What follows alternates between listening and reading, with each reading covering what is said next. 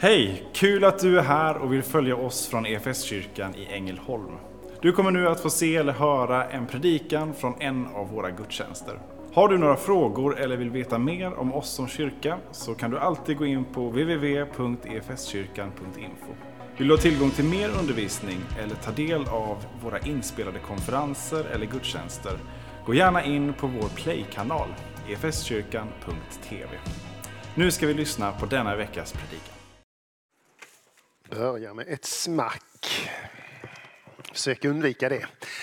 Roligt att få predika här. Jag har gjort det någon gång innan och eh, jag har fått mig tilldelad Sefania bok, en av de här som man ibland kallar för småprofeterna. Och eh, jag tänkte vi skulle få börja med att se här en bakgrund till eh, hur det fungerade vid den här tiden. Vi är någonstans runt 620 före Kristus. Och Israel, Davids kungarike, det blev ju delat i ett nordrike, det här blåa, Israels rike och det södra, Judarike. Och eh, någonstans runt 580 så går Judarike under och Israels rike går under år 720. Josua, han är verksam under 620-talet någonstans.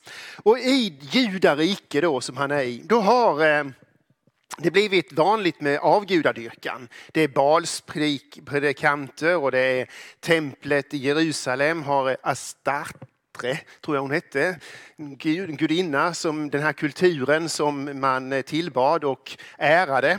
Och eh, kungen i det här judarike vid den här tiden, han hette Hiskia va? Hans farfars farfar var en god, god, god, en gudfruktig kung som eh, försökte att införa riktig tillbedjan utav, utav Javé, Gud. Men det här hade alltså förändrats under de här åren. Och nu ville den kung som regerade under Sefanjas tid, han ville återinföra den äkta sanna tillbedjan utav Gud, Javé. Och eh, Sefania han predikar domsord mot dem som inte, ska, som, eh, som inte omvänder sig. Och eh, det är fullt av profetiska domsord i Sefania bok. Och Sefania han uppmanar folket att vända om, att göra bättring. Är någon som känner igen det från Nya Testamentet? Johannes döparen, han predikade också detta, vänd om, gör bättring. Och det är mycket mörkt och tungt tunga profetier i Sefania bok. Det är eh, mörker och domsord och förgängelse och död. Men det här är också oerhört mycket glädje, oerhört mycket positivt. Och Sefania bok landar i löftet om att Gud själv ska bo mitt i sitt nya gudsfolk. En profetia om den nya, om den nya Israel som vi kallar det för. Det nya Guds rike, Messias ankomst. Eh, Luther han säger om Sefania, ehuru, det är ett ord som jag använder ofta va? Ehuru. Ja, ni nickar, ja, jag använder dagligdags. Betyder ungefär fast, fast än. Sefania är en av de små profeterna. Talar han om Kristus mer än mången stor profet. Så Sefania bok landar i, de sista verserna, är en oerhörd glädjefull predikan om, om Guds rike, om Jesu frälsning, om en profetia om Jesus helt enkelt. Det finns en struktur också i gamla i Sefania. De första tre kapitlen nästan handlar om vredesdagen och sen är det några verser om Herrens frälsningsdag. Frälsning för alla folk och en välsignelse över Israels kvarleva.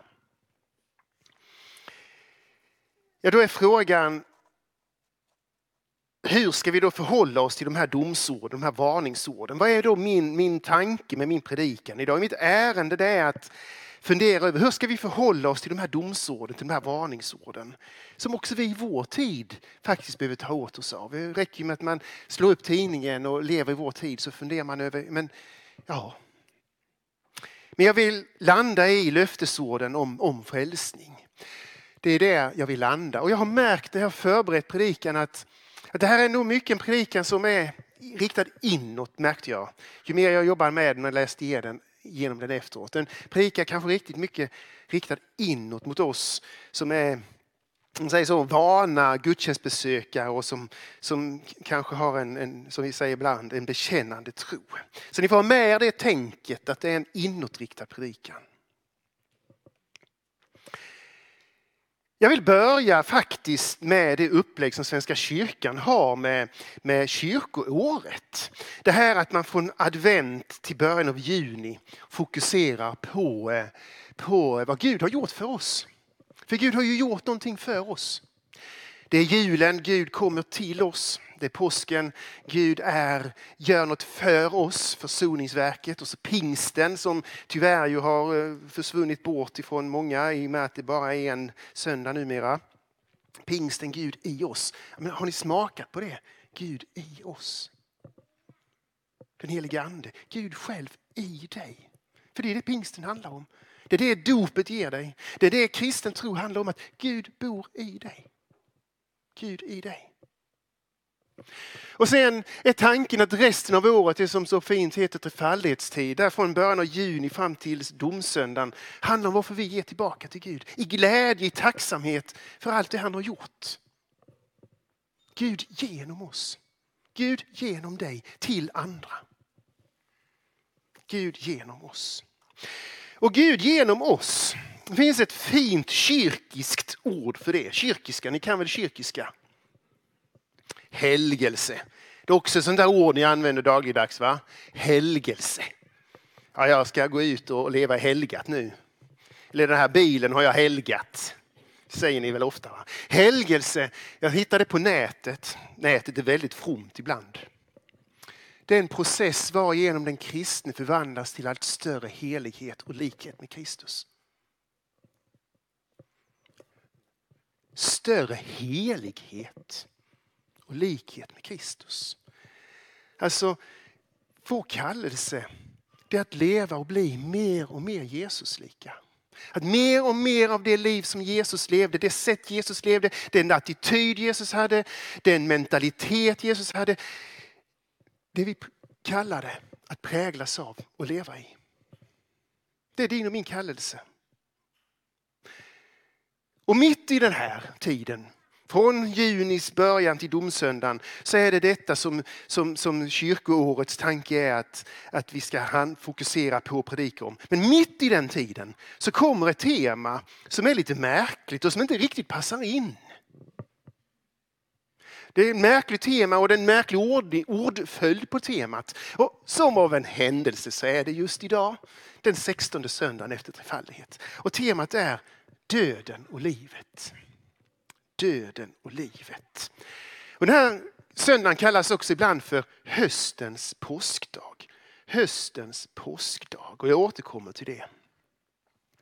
Ja, döden och livet, det låter ju inte så roligt och den ordningsföljden är ju märklig kan man tycka. Och döden, den fysiska döden, den är ju hemsk. Och när jag pratar med ungdomar, kanske framförallt konfirmander, men även vuxna människor om jag får säga så, ursäkta alla eventuella konfirmander. Så, så döden, det är något man håller ifrån sig, det är något hemskt, det är något farligt, det är något skrämmande och det är inte så konstigt. Och döden i vår tid har i mångt och mycket också blivit institutionaliserad brukar jag säga. Jag tänker att man ser en människa som blir sjuk eller förolyckas på något vis och så hamnar den på sjukhus, en institution. Och så dör den och så ser man den aldrig mer. Döden har blivit institutionaliserad. Döden den är sådär definitiv och hemsk. Min mor hon var sju år 1947 när hennes morfar dog bodde på landet och det var några dagar kvar innan begravningen skulle ske. Då låg morfar, om det var i vedboden eller om det var i, på verandan, det vet jag inte, men den svalaste platsen. Det någon som skrattar? det får man göra. Där låg hennes morfar och där fick man gå och se på honom och ta på honom. Och döden, det var liksom en del av vardagen på ett helt annat sätt. Men döden, den håller vi ifrån oss av förklarliga skäl. Och det finns ett annat skäl till teologiskt skäl till varför vi är rädda för döden. Och det är att döden, den är egentligen onaturlig. Döden, den eviga döden, det är ett resultat av syndafallet. Döden, det är ett resultat av vår bortvändhet från Gud. Och de här domsorden i Sefania, de, de, de, det det är ju massvis med, med, med, med eld och för, förtappelse och elände. Hela jorden ska förtäras av hans lidelses eld. Han ska förinta dem som bor på jorden. I skräck ska de förgås. Dom, död. Självklart så är det hemskt. Självklart så ser vi på detta med, med rädsla och skräck. Vänta därför, säger Herren, tills jag träder fram och vittnar mot dem. Jag har beslutat att kalla samman folk och riken för att tömma min vrede över dem. All min glödande harm. Till hela jorden ska förtäras av min lidandes eld. Domsord till dem i den tiden. Och jag tänker att det här också domsord till oss i vår tid som också vi bör ta och fundera över. Hur lever vi vår tillvaro? Och det är omskakande ord. Men så landar de i någonting. De landar i de fantastiska orden i eh, tredje kapitlet, andra versen. Herrens namn ska bli deras tillflykt. Herrens namn ska bli deras tillflykt. Och jag ser här en profetia om kyrkan, för det är ju faktiskt det som Sefania har. En profetia om kyrkan. Och vad är då kyrkan för någonting? Jo, kyrkan kommer från grekiskans kyriakon, det som hör Herren till. Alltså kyrkan, det är de som hör Herren till. Alla vi som säger vi hör till Herren, vi är del av Guds folk, vi hör till Herren. Kyrios, det betyder herre på grekiska. Det är vi, vi är kyrkan. Så när jag säger kyrkan så menar jag inte liksom EFS-kyrkan eller kyrkan i staden, eller, utan kyrkan i den vida bemärkelsen. Alla vi som tillhör Herren. Det är vi, vi är kyrkan. Det är vi som är kyrkan. Och mitt ärende och min ingång idag i den här domsförkunnelsen det är att Josefania han preciserar ju inte en massa synder egentligen. Utan det är ju Guds frånvändheten och avgudadyrkan som han, som han vänder sig emot. Men domen över de som syndar, de har han. Och frågan blir, hur ska vi som kyrka, alla vi som tillhör Herren, hur ska vi som tillhör Herren, alla vi som är kyrkan, hur ska vi leva idag? Hur ska vi leva en dag där världen är och där Sofanias domförkunnelse mycket väl passar in. Hur ska vi leva? Jo, vi ska leva i helgelse. I gudslikhet. Jesaja säger, jag ska lämna kvar hos dig en arm och ödmjuk skara som aldrig ska göra orätt, aldrig uttala en lögn, falska ord ska aldrig komma över deras mun. Andens frukter i funktion helgelse, andens frukter i funktion. Vår kallelse, vi som tillhör Herren, kyrkan, är att forma våra liv mer och mer Jesuslika. Aldrig göra orätt och aldrig uttala en lögn. För det är väl så du lever ditt liv? Ja, var är spegeln? För det är väl så här vi lever vårt liv. Där andra får se hur fantastiskt helgat liv vi lever. Och varför ska vi leva så här? Varför ska vi leva i helgelse? Jesuslikt. Är det för att Gud har sagt att vi ska göra det? Är det för att vi ska prestera en massa gott? Är det för att det är fromt och bra? Är det för att ja, Jesus han levde ju moraliskt riktigt och rätt och gyllene regeln, det känner man ju till. Det är därför vi ska göra det. Eller är det för att vi måste göra det för frälsningens skull? Nej. Det är för att andra ska se vem Jesus är i dig och mig. Vår helgelse är till för att andra ska se vad vi har vunnit. Vad julens Guds inkarnation, att Gud kommer som människa och stiger in i vår tillvaro och delar livet med dig och mig så som det är. Därför att Gud är beredd att offra sig själv på korset för vår skull. Och för att den helige ande tagit sin boning i dig och mig. Därför så vill vi leva i helgelse för att andra ska se vad Gud har gjort för dig och mig. I och genom oss. Gud genom dig och mig. Det är det som är helgelsens syfte. Och därför så också många av temana temana, tematana, teman, de teman som finns under trefaldighetstid ganska så utmanande. Det finns ett tema att inte döma. Ja, det gjorde du ju inte för så länge sedan, väl dömde någon sådär, bara generaliserande.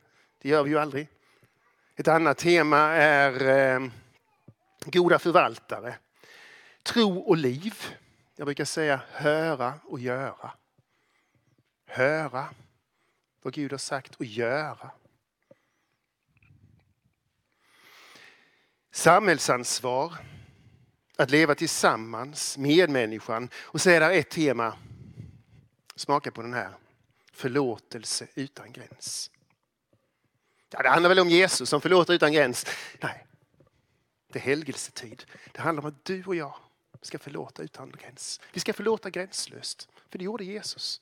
Det är vår uppgift. Det är att leva i helgelse, att leva mer och mer Jesuslikt. Förlåtelse utan gräns.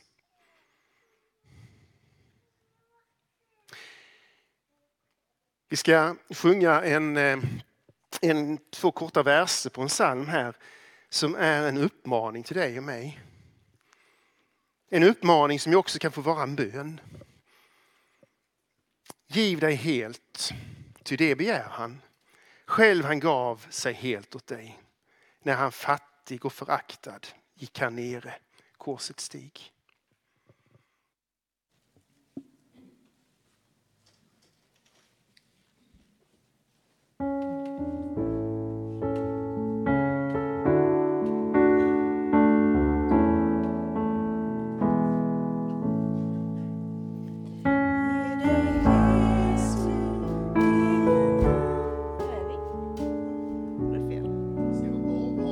Varianten enklast. Ja. 279A. Nu har vi pratat om detta att de här psalmerna har vi inte sjungit. Så vi är lite osäkra men vi får göra ett försök.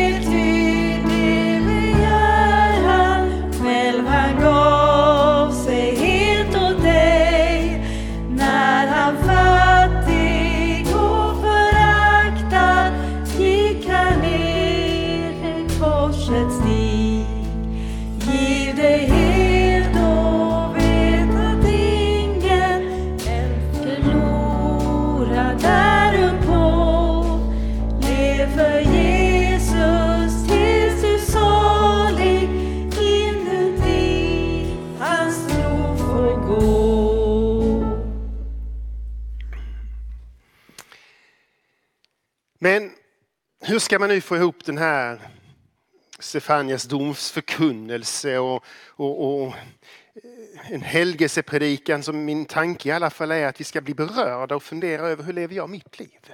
Hur tar jag mitt kristna liv på ansvar? Hur, hur ska detta gå ihop med det där Luther-citatet om att fast Stefania är en av de små profeterna talar han om Kristus mer än mången stor profet. Jo, min andra huvudtanke det är då det jag sa om temat idag, döden och livet som är i Svenska kyrkan och det här att det kallas för höstens påskdag.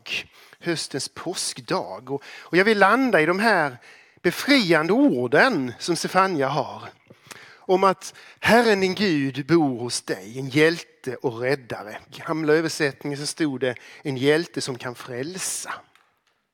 Han jublar av glädje över dig i sin översvallande kärlek. I sin översvallande kärlek. Högt skall de fröjda sig över dig, de som sörjer. Fjärran från tempelfesterna, jag befriar dig idag från den skam som du fått bära. En hjälte som kan frälsa. Och det här ordet frälsa, Jesus betyder ju det. det latinska formen Jesus kommer ju från hebreiskans Jesua som betyder Herr Jehova, Herren. Kyrios, där har vi Kyrios, Herren betyder Herren frälser, Herren räddar. Jesus räddar, frälsaren räddar. Jag tänker på min mormor som alltid pratade om frälsaren, barnens vän. Det, här, det var för mig ett varmt och innerligt ord. Frälsaren, barnens vän. Frälsaren som räddar, som frälser. Det betyder ju det. Och idag så här höstens påskdag så får vi påminna om Sefanias ord om frälsaren, om Jesus. Om att hans verk, påsken nu fokuserad, det gäller dig och mig. Att döden, döden som ju är ett resultat av domen, domen över, över synden. Att resultatet det har Jesus tagit på sig. Och jag försökte göra en liten bild här eh, om domens konsekvenser som är besegrad. Hur Jesus gick in i döden. Ni ser döden här, det, det är liksom en, en inbyggd klump här. Visualiserad. Jesus går in i döden för översta strecket. Men han går på tredje dagen nedstigen till dödsriket. Därifrån igen, nej det är på slutet, därifrån det är på himlen. Men på tredje dagen nederstigen till dödsriket. Men Jesus och döden lyckas, döden lyckas ju inte behålla Jesus. Utan Jesus går ut igenom döden. Och när vi dör så går vi med Jesus. Men vi stannar inte i döden utan går igenom döden till evigt liv. Domens kraft, domen är Döden är besegrad för vi får gå med Jesus genom, genom döden. Med Jesus genom hans död. Så, så här höstens påskdag så får vi minnas att domens konsekvenser, den eviga döden är krossad. Jesu uppståndelse betyder någonting för dig och mig. Så vi har ingenting mer att frukta. En kommentar säger om Sefania att han talar i profetisk perfekt. Och det betyder, om jag förstod det rätt, jag är inte så där jättekunnig på, på de grammatiska formuleringarna, men om jag förstod det rätt så betyder det att han predikar om någonting som redan är fullbordat. Och påsken handlar ju om, Jesu död handlar ju om att han dog en gång där år, år 33 eller 35 någonstans, vad det nu blir. Men verket, det, det, det, är ju tidlöst. Det sträcker sig från, sin, från skapelsens begynnelse till Jesu återkomst. Verket är alltid gällande. Jag brukar säga det att Gud han är ju ett, han är ju ett, ett, ett presentiskt varande, ett, alltid ett är. Och, och Mose han frågar Gud, vem ska, sända, vem, ska ni, vem ska jag säga sänder mig till er när han ska befria israeliterna ur Egypten? Så säger han, säg att jag är har sänt mig till er. Jag är, ett ständigt varande. Och där, samma sak är det med verket. Det är ett ständigt varande verk. Och därför så får vi leva i det. Och, och när vi märker att vi inte lever det där helgade livet som vi ska göra. Så får vi ju komma till Gud och säga, Gud jag klarar inte av det här. Förlåt. Och så får vi, får vi ta emot förlåtelsen och gå vidare. Att försöka leva mer, mer i helgelse. Och nu handlar ju inte detta om att vi ska synda på nåden som det så fint heter. Utan vad är det Paulus, han har någon formulering som jag inte kommer ihåg men innebörden är ungefär den att, att han nästan antyder att synden är någonting positivt. Därför att han blir medveten om vår synd. Han blir medveten om att jag lyckas inte. Då driver synden oss till Kristus. Då drivs vi till Kristus, då drivs vi till korset, då drivs vi till försoningen och får ta emot den. För att kunna leva vidare. Och det är ju detta vänner, det är detta som är lite grann av essensen i den evangelisk-lutherska tanken som EFS har som sin kärna och botten. Försoningens verk som vi får ta emot av.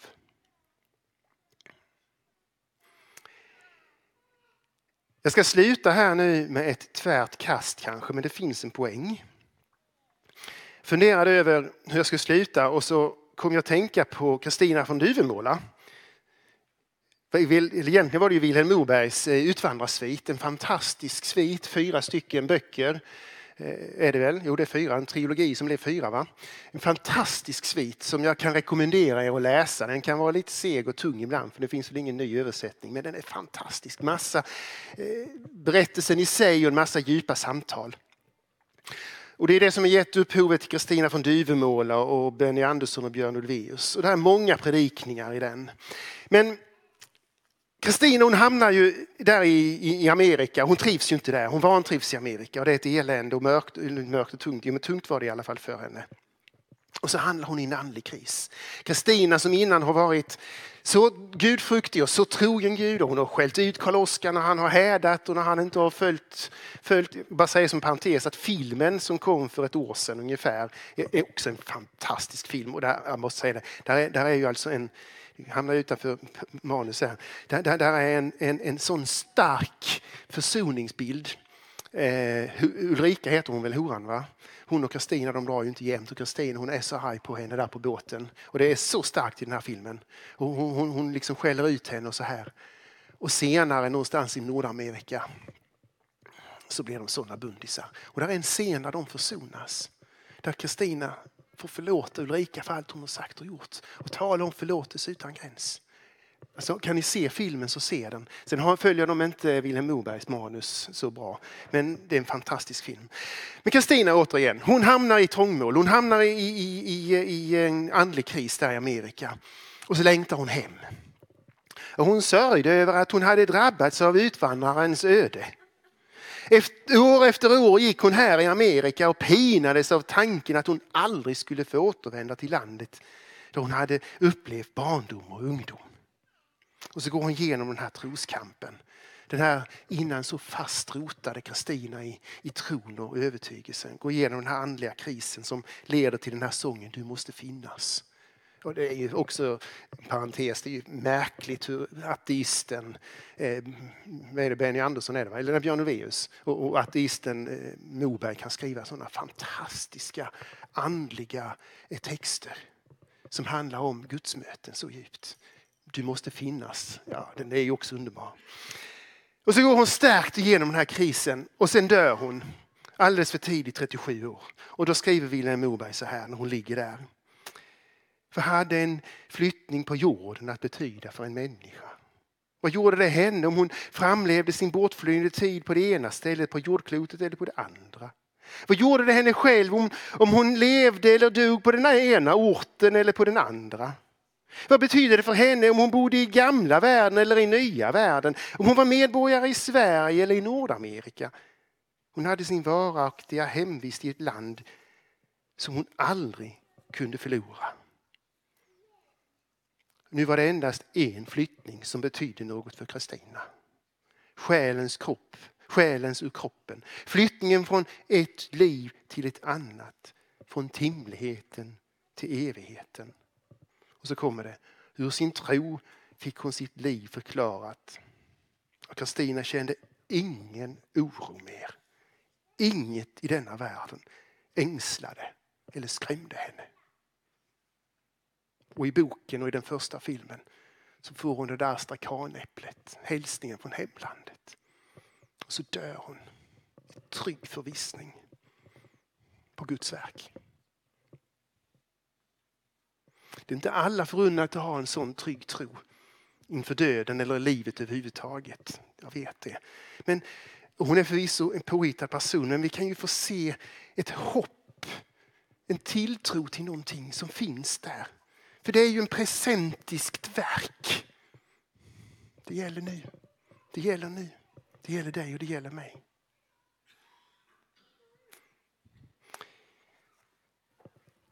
Mitt syfte idag, för att sammanfatta, är att ge oss en uppmaning till oss som tillhör Herren, vi som är kyrkan, Kyrios. Att fundera över hur lever jag mitt liv? Och vi kallar det att leva i helgelse, att bli mer Jesuslika. Det, det, det är svårt. Men det är det som är vår kallelse. Men vi får också ransaka oss och när vi inser att andens frukter inte märks i vårt liv, när jag inte lever det här helgade livet, så får vi påminna om Jesu frälsning. Och vi påminna om att domsorden, uddens, dödens udd är bruten. Och så får vi sätta en tro att likt Kristina vila i hoppet att döden den är besegrad. Det finns ett hopp om en evighet. Amen. Och nu tänkte jag vi skulle försöka då sjunga en psalm till. Den här är väl lite mer välkänd. Eh, och det här är en psalm som jag ibland har funderat över, vågar man sjunga den här? Därför att detta är en bekännelsesalm, en oerhört stark psalm. Jag svär dig trohet, ödmjukhet och lydnad in till döden. Från denna stund för evighet. Du vårdar mina öden. Osalighet. Vi ska fira nattvard och symbol kommer från grekiska symballo och det betyder föra samman. Föra samman. Och I det grekiska tänkandet så, så stod det här för att den här symbolen inte bara sa någonting utan den också var. Nästan presentiskt. Att den är det den säger sig vara. Den ville föra samman. Tydligt exempel är när du tar upp din mobil och trycker på en ikon som man ju förr i tiden, det blir ännu djupare om man tänker det, men trycker på appen. Då öppnar sig det som ligger bakom. Den här symbolen är det den säger sig vara. Nattvarden handlar om symballo. Nattvarden handlar om att föra samman. Vi förs samman med Jesus, med påskens verk. Det förs samman med försoningen och där får vi lämna av allt det där som har blivit fel. Och det är viktigt att få bekänna sin synd. Men det stora med nattvarden, det är det som kommer efter syndabekännelsen. Det är tillsägelsen. Du är förlåten. Du förs samman med Jesu förlåtelse. Låt oss be och bekänna. Som kyrka är det en glädje att få spela en liten roll av allt Gud gör i och genom ditt liv. Vi vill gärna fortsätta följa dig på den resan.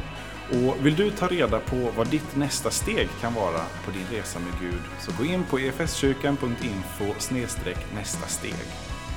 Vår längtan är att få se människor och samhällen förvandlade av Jesus. Genom en kyrka som återspeglar Guds hjärta, bär varandra och betjänar människor varhelst vi befinner oss varje dag.